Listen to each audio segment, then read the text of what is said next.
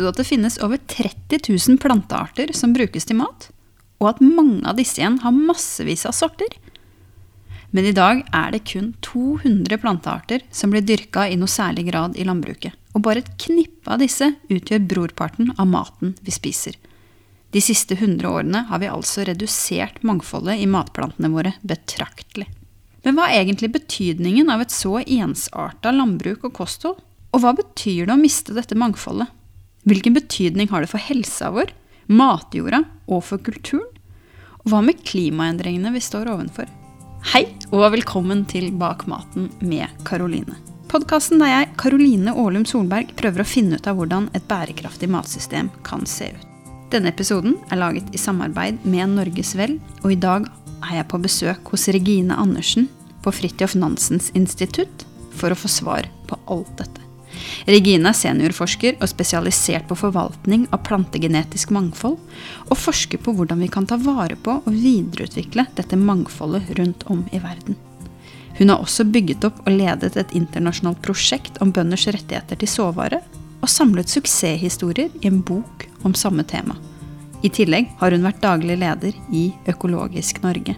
Husk at du finner Bak maten med Karoline både på Instagram og Facebook, og på bakmaten.no. God lytt! Hei, Regine. Velkommen. Hei, takk skal du ha. Eller velkommen til meg, egentlig, som er på besøk på, på jobben din. Vil du si to ord om hvor vi er hen?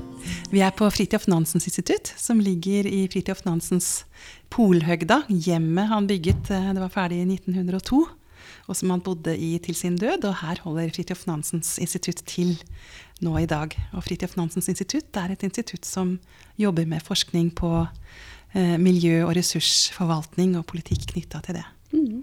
Nydelig sted. Veldig, veldig, det får litt sånn historisk følelse når jeg kommer inn her. Ja. det skal handle om eh, diversitet i planter i dag. Så jeg lurer på om vi rett og slett kan begynne der. Hva, hva betyr det? Diversitet i planter, det handler om eh, plantearter plantesorter og mangfoldet innen plantesorter. Og hvis vi begynner med planteartene, så er det jo sånn at det finnes 400 000 plantearter i verden. Sånn cirka. Eh, men av disse så er det bare 30 000 plantearter som brukes til mat. Men det er jo ganske mange. Eh, men det er av disse bare 6000 som dyrkes som matplanter. Og av disse igjen er det 200 arter som eh, blir brukt eh, i landbruket i dag.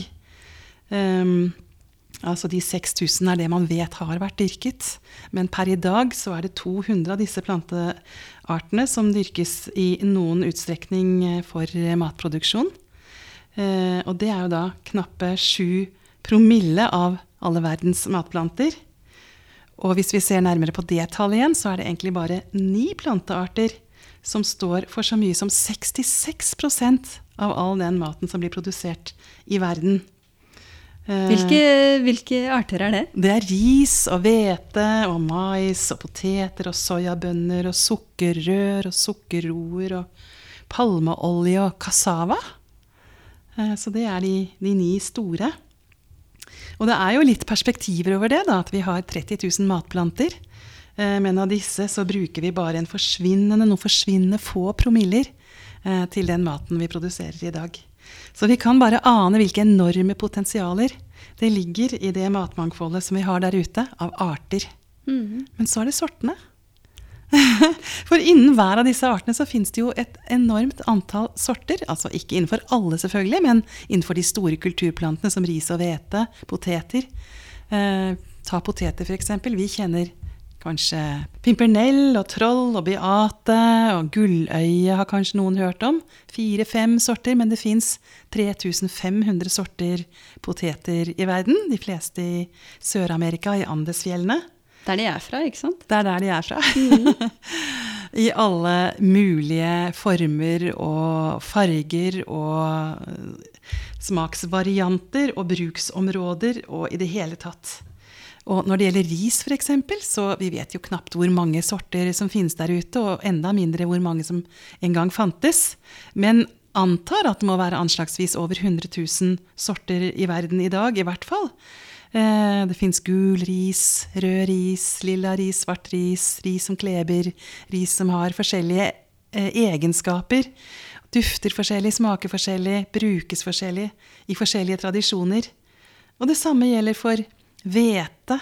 Vi er vant til hvetemel, sikta hvetemel, det er det vi bruker til å bake med. Men hvis du har smakt Dala landhvete, så vet du at det fins forskjell på hvete. Og det er noe helt annet. Hvordan er den? Ja, Den smaker rundere og fyldigere og har eh, rett og slett bare mer smak. Eller emmer, som jo ikke direkte er hvete, men er innen hveteslekta.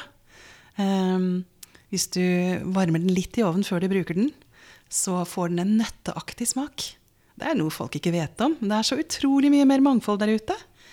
Ikke minst er det viktig å forstå dette sortsmangfoldet da, med tanke på de egenskapene det egentlig har. For um, det er jo ikke bare selvfølgelig veldig viktig da, med smaker og dufter og ikke minst ernæringskvalitet osv. Men det er den evnen de har eh, til å eh, stå imot miljøstress, klimaendringer, skadegjørere, sykdommer osv. Jeg lurer på om vi kan uh, vente litt med det. Uh, vi skal komme mer inn på liksom, uh, hvorfor det er viktig med disse ja. sørtene straks. Men jeg har lyst til å stille et annet spørsmål først. Og jeg lurer på, fordi Mye av det du, du snakker om her, handler jo om gamle sorter. Hva, hva, hva ligger i det her begrepet gamle sorter? Vi sliter litt med å finne de rette betegnelsene. Skal vi kalle dem gamle? Det høres litt gammelmodig ut. Mm. kanskje litt avleggs ut. Eh, man kaller det kanskje tradisjonelle sorter. Eller lokale sorter. Eh, men så er det jo ikke helt statisk heller, for disse sortene er under stadig utvikling. Og, og det vi ser nå eh, i dag, er jo en framvekst av en bevegelse rundt om i verden med lokale frøbanker og deltakende planteforedling, hvor man tar utgangspunkt i det som var gamle sorter og jobber videre med det. Blander det på nytt, lager nye populasjoner, eh, selekterer på nytt. Eh, utvikler nye sorter som er mer tilpasset de behovene man har i dag. Både for ernæring og smak og, og slike ting, men også med tanke på miljøet og klimaendringene. Så, så vi er vel egentlig opptatt av mangfoldet av alle disse sortene. Du var jo inne på det i stad når du sier at vi, vi bruker bare eh, 200 egentlig av dette enorme mangfoldet av, eh, av matplanter. Og så lite som eh, hva var det, sju-åtte du sa? Som, ni, eh, kanskje? Ni, ja, som, eh, som utgjør eh, liksom brorparten.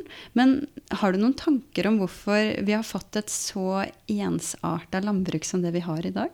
Ja, det har jeg. Og, og det startet vel kanskje rundt 1900 da Mendels arvelover ble gjenoppdaget. Eh, og så var det en eh, hva, Kan du si kort, hva, hva innebærer det? Eh, altså Mendel, eh, den, denne munken som oppdaget hvilke lover som gjaldt for egenskaper, hvordan egenskaper ble nedarvet. Eh, det var ganske viktig kunnskap som ble liggende brakk, på en måte, fordi ja, ingen nyttiggjorde seg den i, i flere tiår. Men rundt 1900 så, så, var det noen forskere som gjenoppdaget den. Eh, eller gjenoppdaget disse arvelovene. Og så kom det da en eh, genetiker, Johansen het han, en dansk genetiker, som fant ut at eh, man kunne rendyrke rene linjer.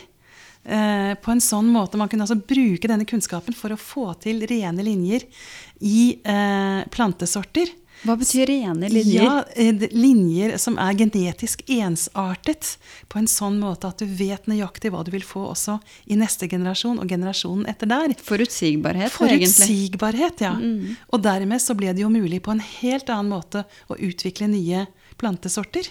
Eh, man kunne selektere og prøve å finne ut hvilke egenskaper man ønsket å å, å, satse på, og så kunne man selektere etter det.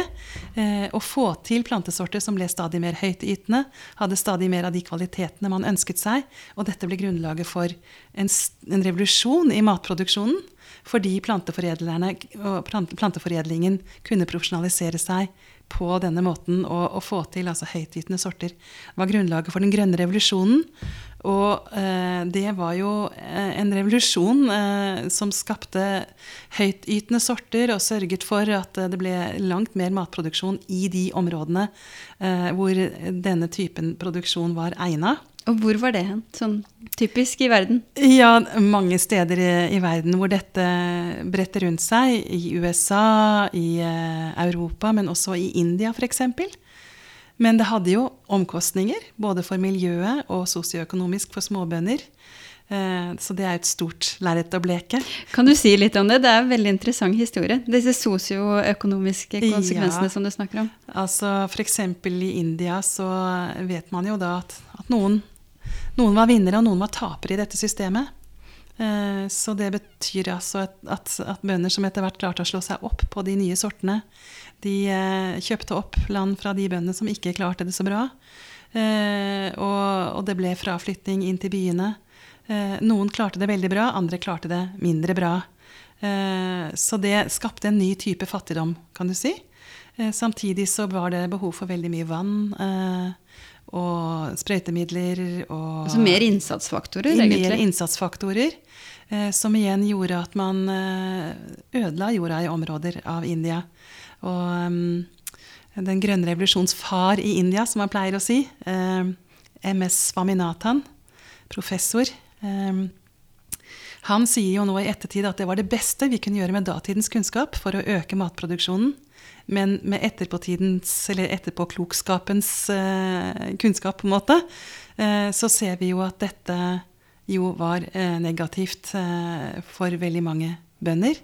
Og ikke minst at vi ødela veldig mye jord som nå ikke kan brukes til matproduksjon lenger. Mhm. Det høres jo ut som at man ikke bare har eh, eh, redusert mangfoldet i matplanter, men også i antall bønder og kultur og liksom Ja. hele, hele matsystemet. Da. Ja, for mangfold handler selvfølgelig om planter, men det handler om veldig mye mer.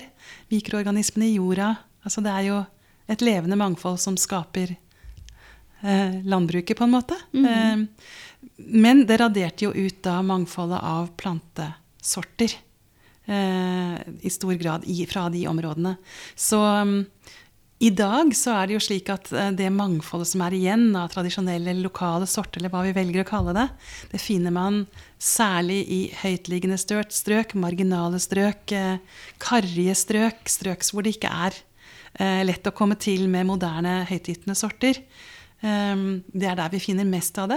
Som infrastrukturen ikke egentlig er til stede, er det det det handler om? det handler både om infrastruktur, men også om, om kjøpekraft og, og småbønders uh, muligheter til å, å skaffe seg innsatsfaktorer.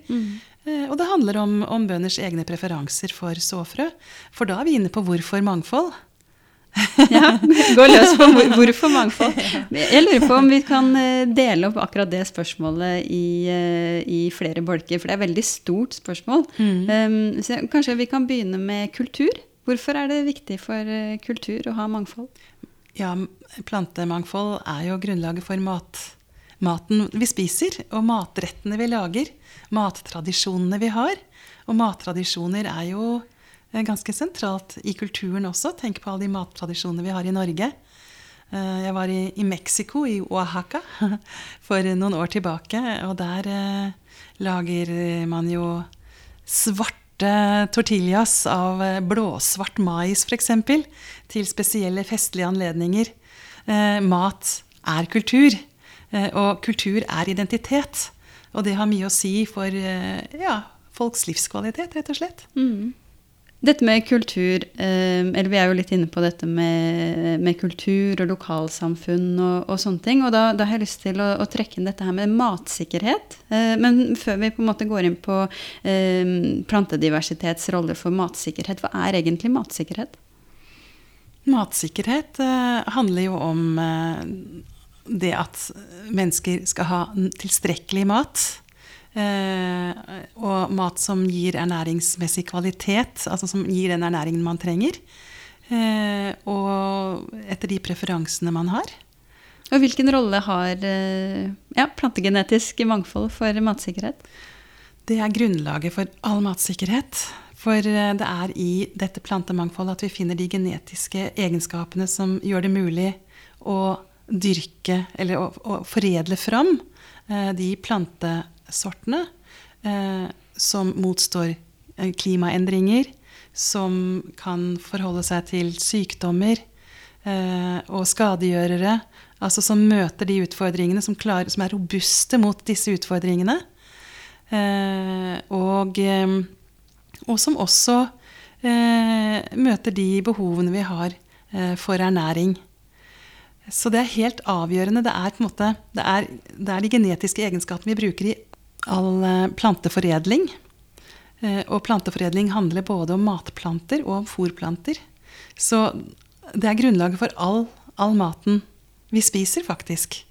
Og hvis vi ikke har de egenskapene som skal til for å møte framtidens klimautfordringer, eh, ja, så vil vi få veldig store problemer med å få maten på bordet. Og så er det jo slik da i utviklingsland, for fattige småbønder, så er plantemangfoldet livsforsikringen. Fordi at det da kan spre risiko på flere planter og flere plantesorter. Og dessuten eh, så er det ofte sånn at de lokale plantesortene er mye mer tilpasningsdyktige. Og de er bedre tilpasset til eh, miljøforholdene på stedet. Eh, og ofte også har de mer ernæring, altså hvis det er spesielle plantesorter som man har holdt på med over tid. Det er ofte plantesorter med, med ganske god næringskvalitet. Eh, og så er det ofte slik også at disse plantesortene er tilpasset den, det behovet man har for bruk eh, de forskjellige stedene. F.eks. et sted jeg reiste rundt i Etiopia, i Jere. Der er det veldig viktig at kornet har strå som dyr kan spise, at det ikke er for hardt. Ja. Fordi at det ikke fins beiteområder for dyra. Så halmen eh, er helt avgjørende hm. for, for, eh, matsikkerhet også. Så det er mange sammenhenger her. Mm. Men, men eh, det generelle bildet er jo at eh, det er plantemangfoldet som avgjør om vi får mat på bordet i morgen. Mm. Dette med ernæring, kan du si litt mer om hvorfor det å ha tilgang på denne diversiteten er viktig for, i et ernæringsperspektiv, i motsetning til å spise disse ni, da, eller tre av de ni, eller ja. ja, det er jo mm, i dette mangfoldet vi finner alle de egenskapene eh, som fins, eh, også for ernæringskvalitet. Eh, og innenfor disse ni eh, planteartene vi snakket om, så fins det jo også mange ulike sorter med veldig forskjellig ernæringskvalitet. Eh, men det er nettopp det å ha tilgangen til alle de egenskapene som er viktig for at vi skal kunne eh, dyrke den eh, maten med den ernæringskvaliteten som vi ønsker. Mm. Og så er det jo også et lite tankekors at per i dag så tror vi at vi vet ganske mye om hva ernæring er, og hva slags type ernæring som er bra for oss. Men det kan jo være at framtidens generasjoner vil finne ut enda litt mer om hva vi trenger for å ha en sunn ernæring. Og kanskje er det andre ting, eller ytterligere ting, enn de vi vet om i dag.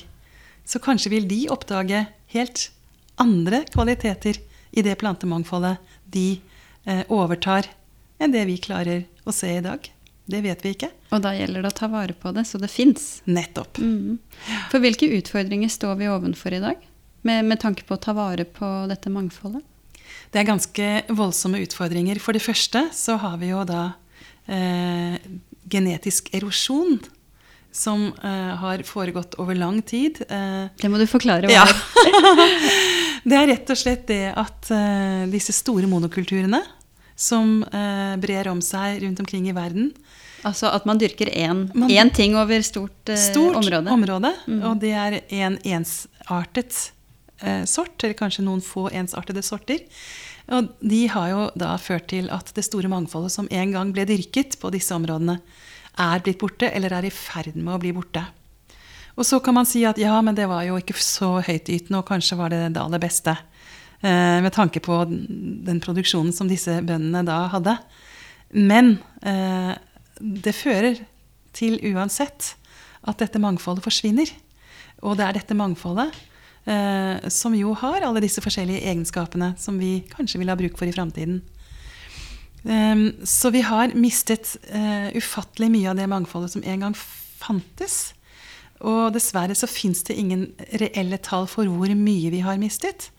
Uh, det er en, et estimat i FAO som brukes fra tid til annen, at vi har mistet rundt 75 av det mangfoldet som fantes for noe over 100 år siden. Altså borte for alltid mista? Borte for alltid mista. 75% Men det er veldig vanskelig å vite fordi vi ikke har baseline-data, som det heter, mm, mm. fra den tiden. Vi vet ikke hva vi begynte med. Nei, vi vet ikke hva utgangspunktet var.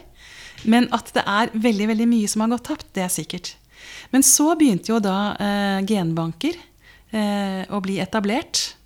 Eh, allerede i 1920, faktisk. Det var en russer som var ute, Vavilov en av mine helter. han var tidlig ute, han så, så, eh, hvordan dette kom til å utvikle seg. Men siden er det blitt mange flere genbanker. Eh, og de eh, er jo da innrettet for å ta vare på dette mangfoldet, eller frøene da i frøprøver i kalde, under kalde forhold, i frysere. Så en genbank er et sted man oppbevarer genene, rett og slett? I form av frø her, som du ja, forklarer? Ja, nettopp. Ja. Man oppbevarer frø av forskjellige plantesorter. Men vi ser også at genbankene er veldig utfordret fordi det krever ressurser å opprettholde genbanker. Eh, de skal både holdes kalde, og det skal, eh, frøene som ligger der, eh, de lever ikke evig. De er ikke spiredyktige til evig tid. Og de må oppformeres og, og pakkes på ny. Og, og, det er mye arbeid med å karakterisere og, og holde styr på dette her. Og det er penger som ikke alle genbanker har. Selv ikke vår nordiske genbank har tilstrekkelige ressurser og må velge eh, blant de sortene de har. Hva skal vi ta vare på for ettertiden? Og hva trenger vi kanskje ikke å ta vare på for ettertiden? Det syns jeg er en ganske farlig vei å gå, men det er en konsekvens av at vi ikke har nok penger til genbankarbeidet vårt. Så eh, Tidligere så har man kanskje sagt at ja, men vi har jo frøene på fryseren, vi, vi har dem i genbanken, så da er de jo sikret. Mm. Men sånn er det ikke. Det er ikke sikkert der heller. Um, og så er det jo slik da at um, det har kommet nye hindringer på veien. Og det er lover og regler som hindrer uh, bønder og hagebrukere for den saks skyld i å bytte og, og ta vare på og utvikle og i det hele tatt holde på med tradisjonelle sorter, eller gamle sorter om du vil. Jeg lurer på om vi også skal spare, spare det med lover og regler til ja. etterpå. For jeg, jeg hadde et, eh, et spørsmål til, eh, til, det du fortalte nå. Og noe som dukker opp hos meg, er jo hvem er det vi produserer maten for, eller hvorfor produserer vi maten? Du var jo inne på økonomi her, men kan du si litt om um, hva som på en måte styrer det vi dyrker, når ikke det er hva som er best for oss, hvis du skjønner hva jeg mener? Ja, hva er det som styrer det vi dyrker?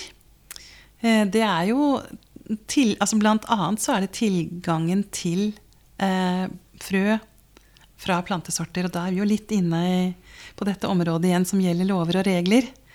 Eh, for det er nettopp det eh, som, har, eh, som, bidrar til å, å, holde plantemangfoldet nede og gjør det vanskelig å videreutvikle det plantemangfoldet vi har igjen. Da skjønner jeg at vi må inn på lover og regler. Vi er nødt til å komme inn på det. For da er det jo slik da at um, vi har fått uh, en del regler som i utgangspunktet var ment for å ta vare på plantehelsen og frøkvalitet. Veldig gode formål.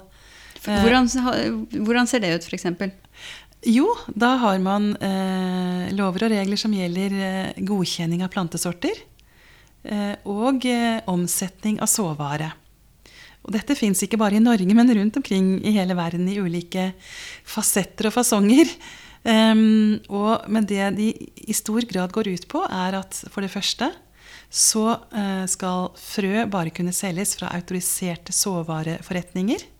Ingen andre skal ha lov til å selge frø. Eller omsette frø. Og omsette frø kan defineres på forskjellig måte. Det kan også defineres som å utveksle frø uten å bruke penger. Eh, og til og med å gi bort frø. Um, så det er en, eh, et av hindrene, fordi den, den tradisjonelle måten å, å, bruke frø på, er jo at man bytter det seg imellom og gir det bort, og kanskje selger i større kvanta. Det er blitt vanskeligere. Eh, og så er det sånn at de sortene som godkjennes, det er sorter som, til, som, som oppfyller bestemte kriterier for genetisk homogenitet. Altså at de er ensartet til en viss grad, til en ganske stor grad. Eh, og det er ganske mange tradisjonelle sorter, landraser, eh, gamle sorter om du vil kalle det det, som ikke oppfyller slike krav. Da kommer de ikke på lista. Og når disse reglene da til og med sier at bare sorter som står oppført på sortslista, kan omsettes, Da blir det vanskelig. da blir det vanskelig. Og i Norge så hadde vi en forbudstid fra 2004 til 2010. Som eh, vi nesten bare må riste på hodet over nå. Men det skjedde fordi at vi fikk et rush av EU-direktiver eh, i 2004. Og noen av dem inneholdt regler angående dette.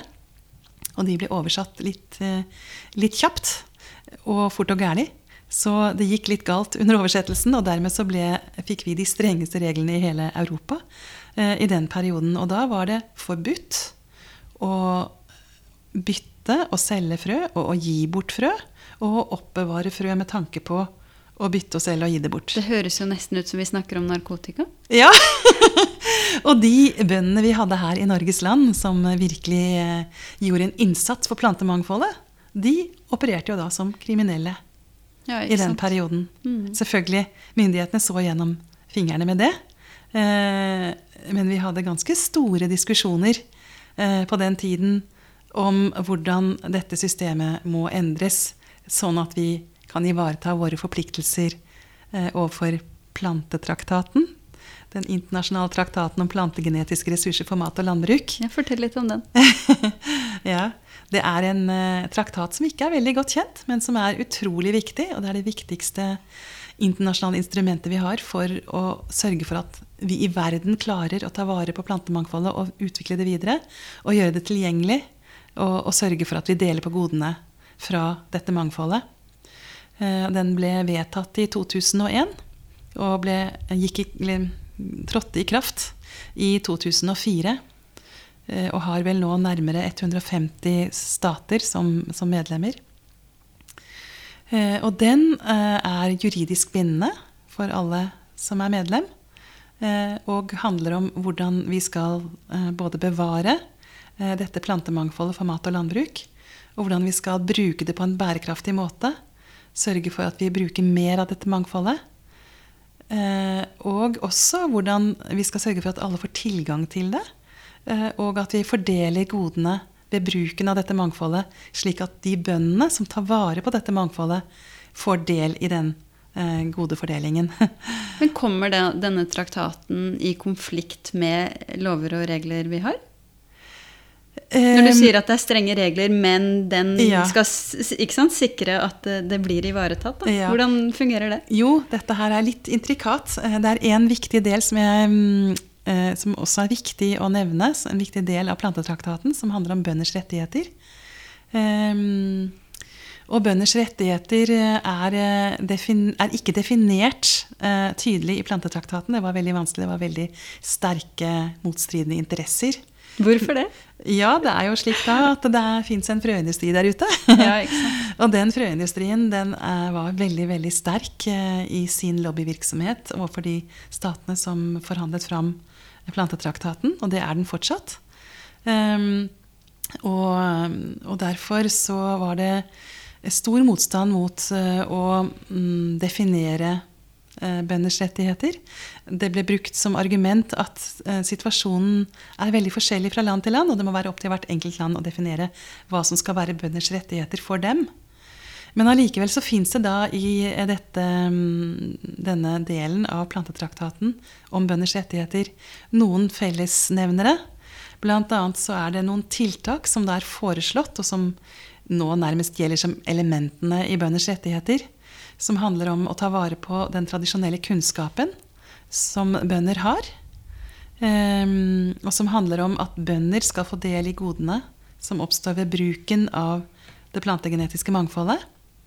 Og som handler om at de skal få være med, og, eh, med i beslutningsprosessene på politisk plan knytta til plantemangfold. Og ikke minst så er det noen beslutninger, eller det er eh, noen formuleringer, eh, som handler om bønders rettigheter til å ta vare på eh, og eh, bruke og bytte og selge frø.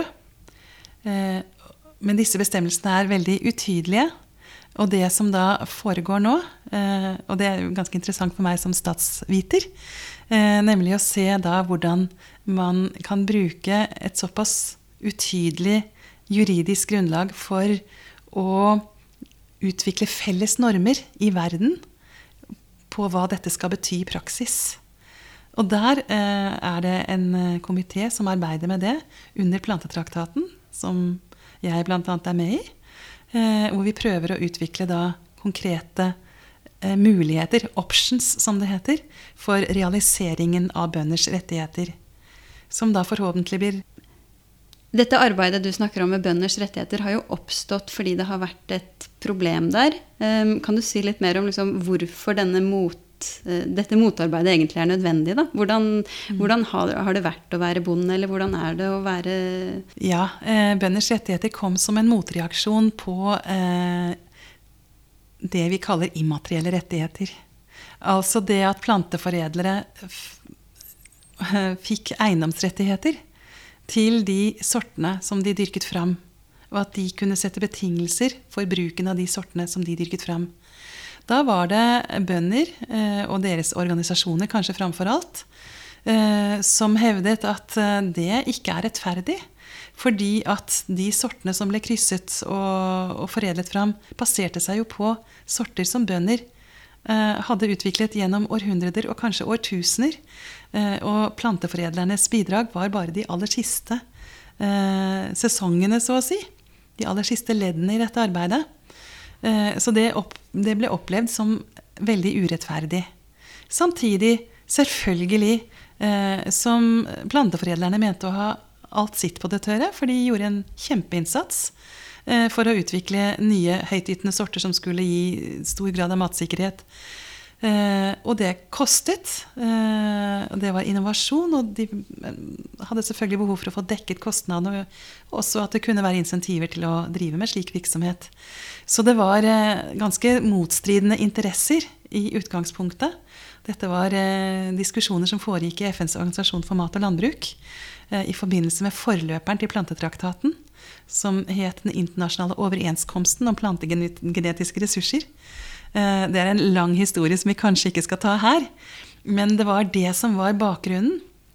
Eh, og etter hvert så har vel bønders rettigheter kommet til å handle om forskjellige ting, men kanskje framfor alt hvordan vi kan eh, sørge for det juridiske rommet som er nødvendig for at bønder skal kunne fortsette å gjøre sitt bidrag til plantemangfoldet. Og gi sitt bidrag til å videreutvikle plantemangfoldet, og ikke minst å bruke det for alt det er verdt. Eh, og egentlig har vi en situasjon nå hvor ehm, det regelverket vi har, lovene og reglene og politikken, eh, støtteordninger, nesten det aller, aller meste, er innrettet mot det formelle såfrøsystemet. Det som gjelder de moderne, høytgytende sortene, eller de moderne sortene som er utviklet av planteforedlere. Og det har vært en naturlig utvikling, fordi at Eh, deres organisasjoner og såfrøfirmaene sine organisasjoner, de store multinasjonale konsernene, har hatt god lobbyvirksomhet. Og eh, i min verden kaller vi dette strukturell makt. De har klart eh, å definere spillereglene som alle vi andre må forholde oss til. Mm. Mens eh, det fins et uformelt system, særlig i utviklingsland, men også i vår del av verden, eh, som ikke har en sånn lovbeskyttelse, og som ikke har de støtteordningene, men som allikevel er helt grunnleggende viktig for at vi skal ta vare på plantemangfoldet. Og dette systemet, det må også ha eh, sitt juridiske rom. Det må også ha eh, sine rammebetingelser. Hvordan eh, ser det systemet ut? Det er det systemet som ikke er organisert på en måte nå. Derfor er det uformelt. Eh, men det er eh, alle de gamle sortene, tradisjonelle sortene, som folk holder på med, som bønder holder på med i utviklingsland, men også her. Som man bytter seg imellom og selger litt, kanskje under hånden eller på et marked. Eh, og, og sysler med å videreutvikle. Det fins deltakende planteforedling for å prøve å finne nye måter å tilpasse det til endrede betingelser på osv. Men det er et område som da eh, ligger i gråsonen til hva som er lovlig, og enkelte steder er det forbudt. Mm. Eh, og det jeg tror, eller det jeg nok mener at diskusjonen om bønders rettigheter har ført til så langt, bl.a. er en forståelse av at disse to systemene, det formelle og det uformelle, har livets rett, begge to. Begge to må eh, kunne fungere side om side og ha sine rammebetingelser tilpasset deres behov, slik at begge to kan gi det bidraget som er nødvendig for å videreføre plantemangfoldet til framtidens generasjoner. Mm. Du nevnte deltakende eh, foredling her. Hva er det for noe? Deltakende planteforedling er kjempespennende. Ehm, det handler om at ehm, planteforedlere og bønder går sammen om å foredle fram de sortene som bøndene mener egner seg best i dyrkingen, og som det er behov for ut fra etterspørselen. Jeg kunne fortelle historier om det. Blant annet kunne jeg fortelle en historie fra Etiopia. Jeg ble veldig imponert. Jeg kom til et sted eh, sør for Addis Abeba. Ejere het det der. Eh, et sted som hadde vært utsatt for eh, sultkatastrofen på 80-tallet. Og skadegjørere etter det som ødela all avling. Som en gang i tiden hadde vært mangfoldssenter for en rekke plantearter Ehm, arter, bl.a. Eh, durumhvete og bygg og teff. Men nå var alt borte. Og først så fikk de da nye, nye, sorter fra myndighetene og mm, sprøytemidler og kunstgjødsel, og det var veldig fint en periode. Men etter hvert så måtte de begynne å betale for det, og det ble dyrere og dyrere. De hadde ikke råd til å betale det de skulle betale. Dessuten så viste det seg at sprøytemidlene Eh, var eh, ganske heftige. Folk gikk barbent ute i åkeren, hadde ingen beskyttelse, sprøytet, gikk hjem og kastet opp. Ble syke, noen døde. Eh, det oppsto en motstand mot denne måten å dyrke mat på. Og så dukket det opp en mann fra, som hadde kontakter til den etiopiske genbanken. Og han hadde med seg en håndfull frø som han viste fram til en av de unge bøndene i området. Alemo Tolema het han. og han spurte Alemo eh, kjenner du til disse frøene her. Og Alemo så på dem og ble veldig overrasket og sa men dette her er jo frøene fra min barndom. Hvor har du dem fra? Eh, og så svarte Hailo Getu, som han het. Jeg har dem fra den etiopiske genbanken vi var her på 70-tallet og samlet dem inn. Har du lyst til å dyrke dem? Og det ville gjerne eh, Alemo Tolema. Og så kom Hailo Getu tilbake med stadig flere plantesorter og ga dem til forskjellige eh, bønder. Og etter noen år så hadde de over 150 sorter tilbake i dette området. Som de dyrket, etter hvert laget i en frø, lokal frøbank og tok vare på det og fikk system på det. Og så fikk de hjelp til å videreutvikle det til nye sorter som er høytytende uten å trenge sprøytemidler og kunstgjødsel. Eh, de mener at de er like høytytende som andre sorter som, kan, som det er naturlig å, å sammenligne dem med. Eh, og, eh, men at de er mye mer næringsrike. Så dette er en fantastisk suksesshistorie.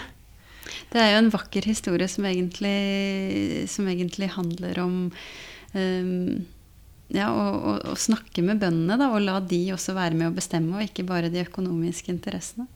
Ja, og, og de som har holdt på med det en stund, de er opptatt av at det er bøndene som skal sitte i, i førersetet. Mm. Og at vi ikke lenger snakker om å la dem være med, men at det er de som inviterer med planteforedlere og forskere i sine prosjekter. Mm. Og det er det som etter hvert har eh, blitt utviklingen, slik jeg ser det, i Egere og også mange andre steder, i særlig utviklingsland. Og jeg vil jo si at utviklingslandene er kommet lenger når det gjelder planteforedling og lokale frøbanker enn vi har. Vi, har kommet, ja, vi, vi, utvikler dem kanskje på en annen måte, men det er veldig mye spennende å lære fra land som Etiopia og også Nepal f.eks.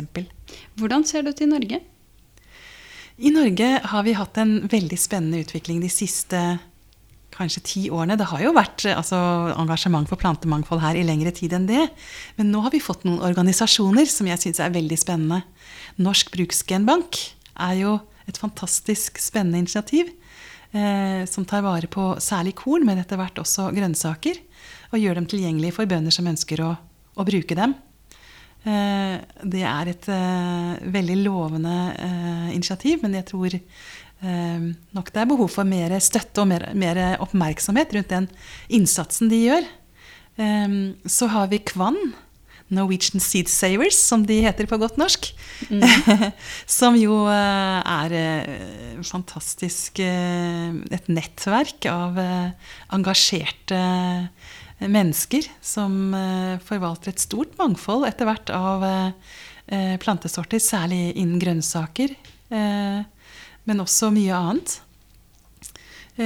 Og der gjøres det ikke forskjell på norske og utenlandske. Altså det er rett og slett bare et stort mangfold som gjør det mulig for nordmenn å komme i kontakt med, med mange mange flere sorter enn det man hadde tidligere. Eh, Vi har også et såfrøfirma som jeg har lyst til å løfte fram, Solhatt. Som også er fryktelig flinke til å, å finne fram til eh, dette mangfoldet og produsere frø som vi andre kan kjøpe. Jeg skal faktisk spille inn en episode om noen uker med Jasper, som, Å, eh, du er- som, som driver det firmaet. Det er veldig fint. Det er Da setter enda litt mer fokus på det her. ja, Solhatt er en solskinnshistorie. Ja. Jeg gleder meg til å høre mer om den. Ja.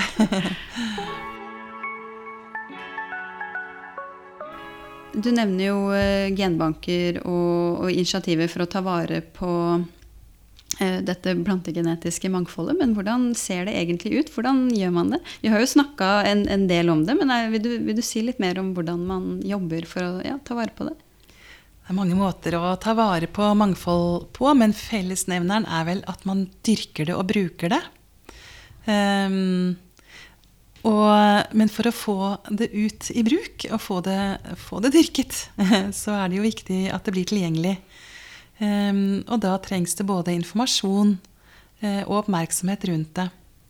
Så det eh, f.eks. Kvann gjør, eh, og, andre gjør med å, å legge det ut, altså legge ut informasjon om sorter og hvor man får tak i det, det er viktig. Så ser vi at rundt omkring i verden er det forskjellige måter å ha seed fairs, som det heter. Altså hva skal man kalle det? Frømarkeder på. Eh, eller bytteringer. Eller altså det er mange måter å organisere det på. Ehm, jeg har også sett eh, enkelte steder i Europa at man oppretter fadderordninger for sorter. Du kan bli fadder for en sort. Så Eh, du tar, har liksom ansvaret for å ta vare på som, ja, som du og kanskje noen, noen få til har ansvar for å ta vare på. Så har dere kanskje en liten ja, et fellesskap rundt det. Det høres jo ut som en veldig fin måte å gjøre det på. Å fordele ansvaret, så ikke én sitter med veldig mye ansvar. Da. Ja, Og kanskje den måten det burde gjøres på. ja ikke sant?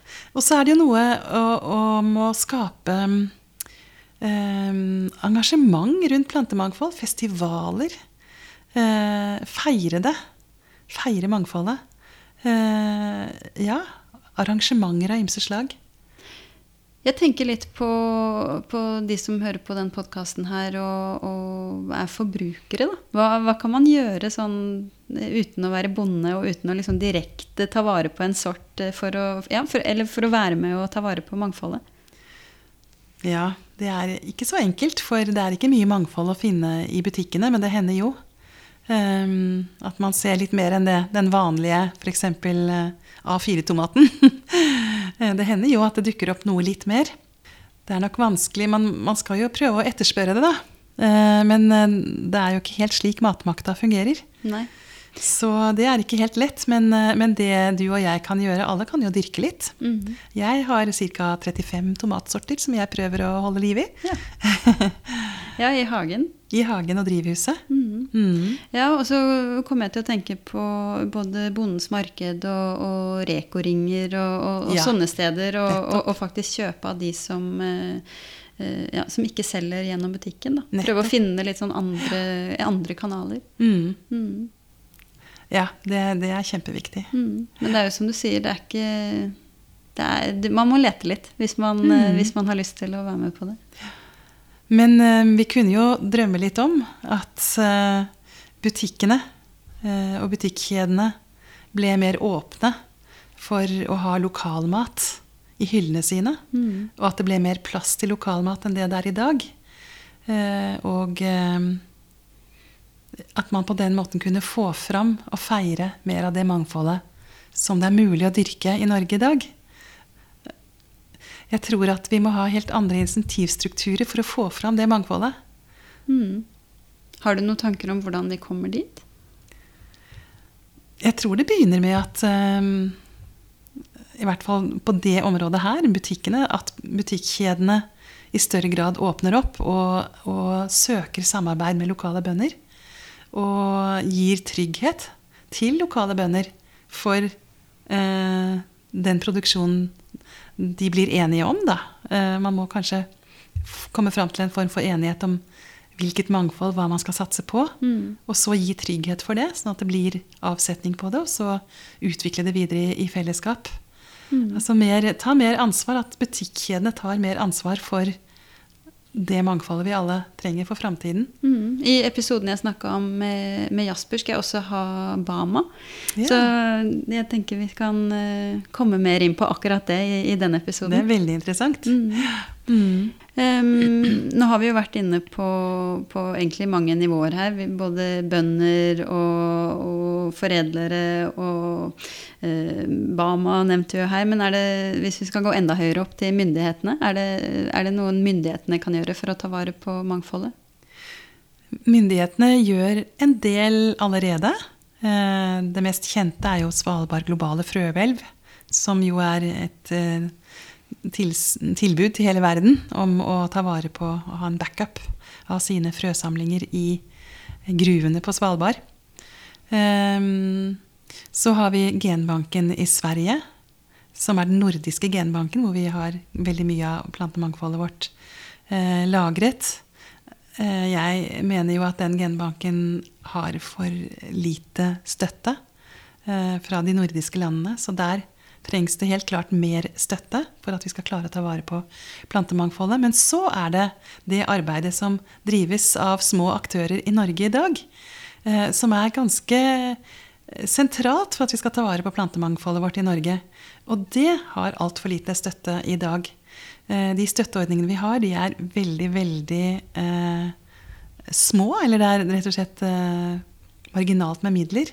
Og det trengs mye mer støtte til det arbeidet. Eh, og til å videreutvikle det arbeidet eh, i Norge. Så der tenker jeg at vi, eh, vi, er, veldig gode internasjonalt. Vi er også gode til å, å Norge er, er, sentrale i forhandlinger om plantemangfold internasjonalt. Har en viktig stemme, en viktig rolle. Men vi kan gjøre langt mer på hjemmebane for å ta vare på det mangfoldet vi har selv. Mm. Den podkasten handler i, i, det store og det hele om, om, hvordan et bærekraftig matsystem kan se ut. Um, for, å, for, å, oppsummere litt, har du lyst til å si noe om, uh, om hvilken rolle uh, plantegenetisk mangfold har i et bærekraftig matsystem? Ja. Um, genetisk mangfold er jo viktig for at vi skal ha de plantesortene som kan dyrkes uten bruk av sprøytemidler og kunstgjødsel. Eh, så i retning av et økologisk landbruk? I retning av et økologisk mm. landbruk, for det mener jeg er framtidens landbruk. Det tror jeg vi alle er i ferd med å se. Eh, mer eller mindre også det konvensjonelle landbruket beveger seg mer og mer i retning av et økologisk landbruk, selv om det er et godt stykke igjen. Mm. Eh, men det mener jeg er erkjennelsen egentlig eh, også i andre deler av verden. Men det er fortsatt langt dit.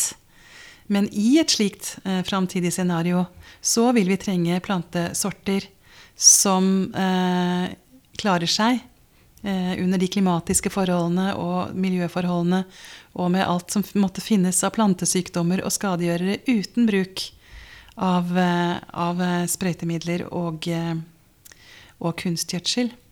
Og som kanskje er nøysomme. Som, altså det kan være forskjellige kvaliteter man vil trenge jeg tror også at vi må se til at det finnes et langt større mangfold enn det som brukes i dag. Eh, og at det kanskje finnes andre muligheter for å livnære seg enn ved de plantene vi bruker nå. At, og det er noe man er opptatt av under plantetraktaten også, de uutnyttede eh, plante, matplanteartene. Så her er det et langt lerret å bleke og veldig mange muligheter.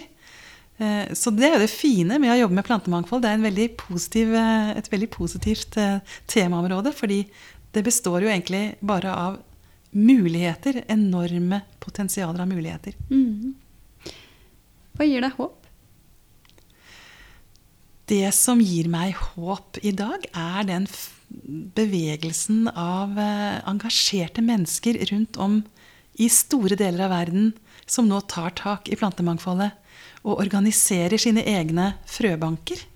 Eh, enten det er som fysiske banker eller som nettverk av mennesker som eh, bestemmer seg for å ta vare på et stort mangfold. Og ikke bare ta vare på det, men å utvikle det videre og jobbe med det. Og, og forankre det i kulturen igjen. Eh, og å benytte det som et grunnlag for så veldig mye mer. Jeg ser at frøbanker i utviklingsland er blitt plattformer for matsikkerhet og kapasitetsbygging og utvikling, og ikke minst håp. Eh, så det at disse frøbankene skaper så mye håp, det gir meg håp. Tusen, tusen takk for at du var med på podden. takk skal du ha. Takk for at du hørte på denne podkasten, som er laget av meg, Karoline Aalum Solberg, i samarbeid med Norges Vel. Musikken er laget av Creo og Liro Sever. Dere finner meg og podkasten på Instagram bakmaten.no og på karoline at bakmaten.no. Vi snakkes.